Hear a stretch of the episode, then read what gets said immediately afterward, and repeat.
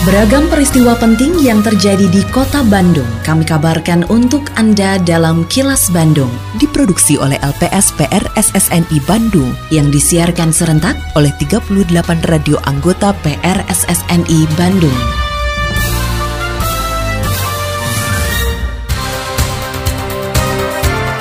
Sejumlah informasi aktual kami hadirkan untuk Anda dan inilah informasi utamanya.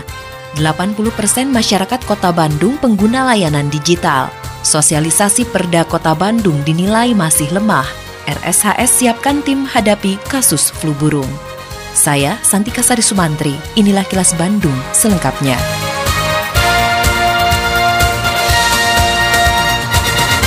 Lebih dari 80% masyarakat Kota Bandung merupakan pengguna layanan digital. Kepala Dinas Komunikasi dan Informatika atau Diskominfo Kota Bandung, Yayan Ahmad Briliana mengatakan, tingginya jumlah pengguna sarana digital menjadi keuntungan bagi pemerintah Kota Bandung dalam penyediaan infrastruktur komunikasi digital. Hal ini karena banyak investor yang menanamkan modalnya, sehingga Kota Bandung mendapatkan manfaat dengan tersedianya sejumlah infrastruktur tersebut. Yayan menegaskan Smart City bukan hanya terletak pada banyaknya aplikasi, tapi juga pada infrastruktur pendukungnya.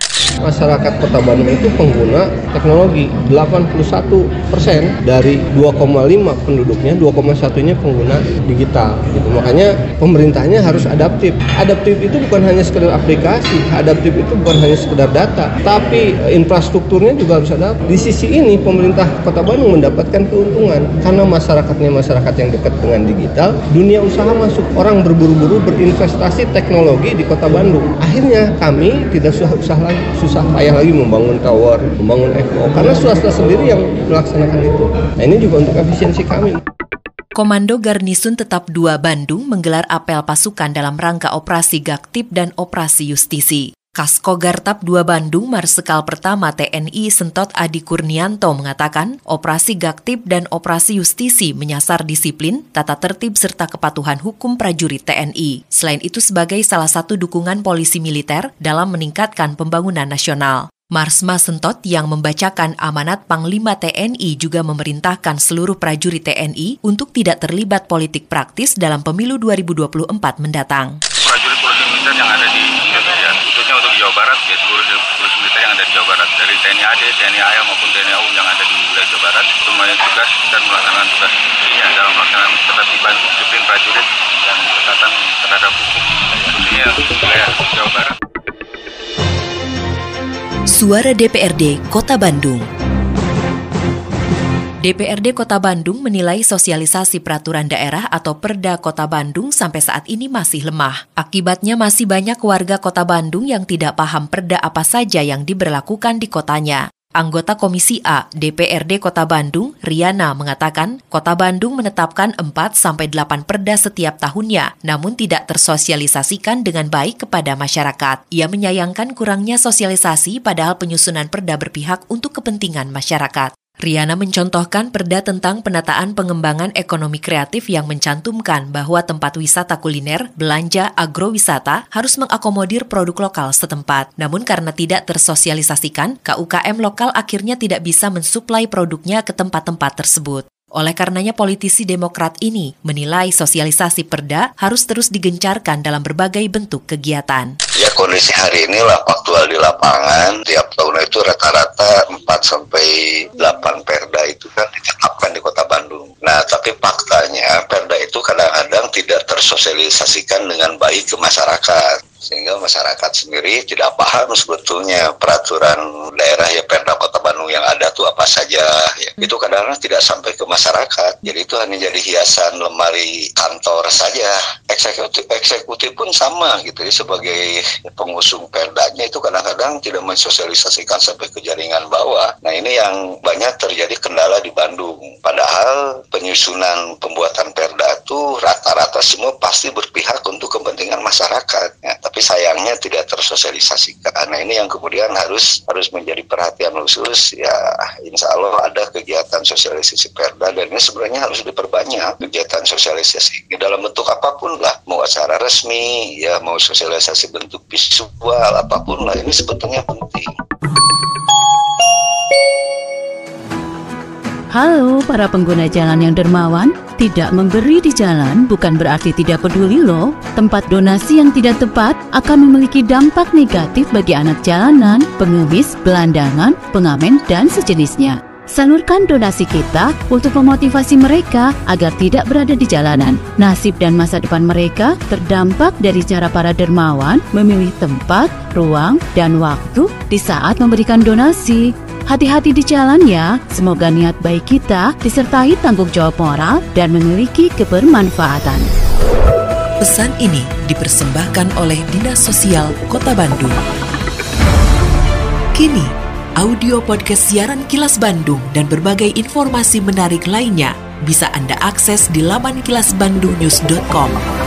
Rumah Sakit Umum Pusat Hasan Sadikin atau RSHS Bandung sudah mewaspadai terhadap penularan penyakit flu burung kepada manusia. Ketua Tim Penyakit Infeksi New Emerging dan Re-Emerging RSHS Bandung, Yovita Hartantri mengatakan pihaknya sudah melakukan kesiapsiagaan munculnya infeksi avian flu atau flu burung dengan membentuk tim infeksi khusus, termasuk menyiapkan infrastrukturnya. Menurut Yovita, upaya penanganan kasus flu burung tidak berbeda dengan kasus serupa sebelumnya atau COVID-19. Semua petugas akan memakai alat pelindung diri atau APD, memiliki prosedur tata laksana tersendiri, termasuk jalur khusus untuk menanganinya.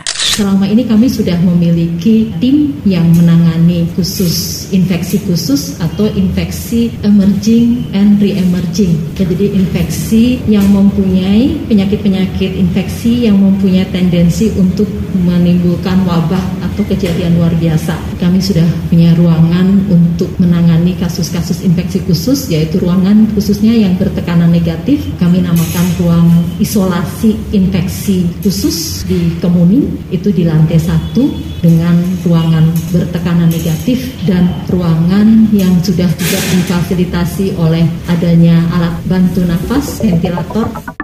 Masyarakat diimbau selalu waspada terhadap berbagai penyakit menular yang berkembang saat ini, termasuk flu burung atau avian influenza H5N1. Pelaksana tugas Direktur Medik Keperawatan Penunjang Rumah Sakit Umum Pusat Hasan Sadikin atau RSHS Bandung, Zulfayanti menyatakan, flu burung bukan penyakit yang baru, sehingga sudah ada prosedur dan pengalaman RSHS dalam menangani pasiennya. Menurut Zulfayanti, penyakit flu burung menular tidak hanya dari unggas ke unggas, tapi juga bisa dari unggas ke manusia. Penyakit menular, jadi intinya ada sumber penularannya begitu, ada sumber penyakitnya. Jadi dia bukan yang tiba-tiba karena muncul begitu ya. Jadi makanya tadi kita harus explore lagi. Dia sakit seperti ini tuh setelah apa, pulang dari mana. Yang jelas untuk flu burung ini tentu ada kaitannya dengan unggas atau mungkin dengan penderita yang sudah lebih dahulu begitu ya mendapatkan penyakit ini.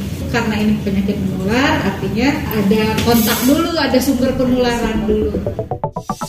Assalamualaikum warahmatullahi wabarakatuh. Sampurasun, salam pariwisata. Dalam rangka meningkatkan promosi pariwisata, Disdikbar Kota Bandung selalu menghadirkan informasi terkini perihal kebudayaan, pariwisata, dan ekonomi kreatif dengan media yang digunakan untuk Instagram Live dilakukan setiap hari pukul 11 siang, 1 siang, dan 4 sore. Dan untuk siaran radio reguler dilaksanakan setiap hari Jumat pada pukul 13.30 di Radio Sonata FM. Dan untuk konten foto, video, serta konten lainnya ada pada Instagram tic.bandung. Dan buat Anda yang ingin mencari mencari informasi secara langsung, dapat mengunjungi kantor Turis Information Center di tiga lokasi. Lokasi pertama di kawasan Masjid Raya Bandung, lokasi kedua di Bandara Hussein Sastra Negara, dan lokasi ketiga ada di Lobi Hejo 23 Pascal Shopping Center Bandung.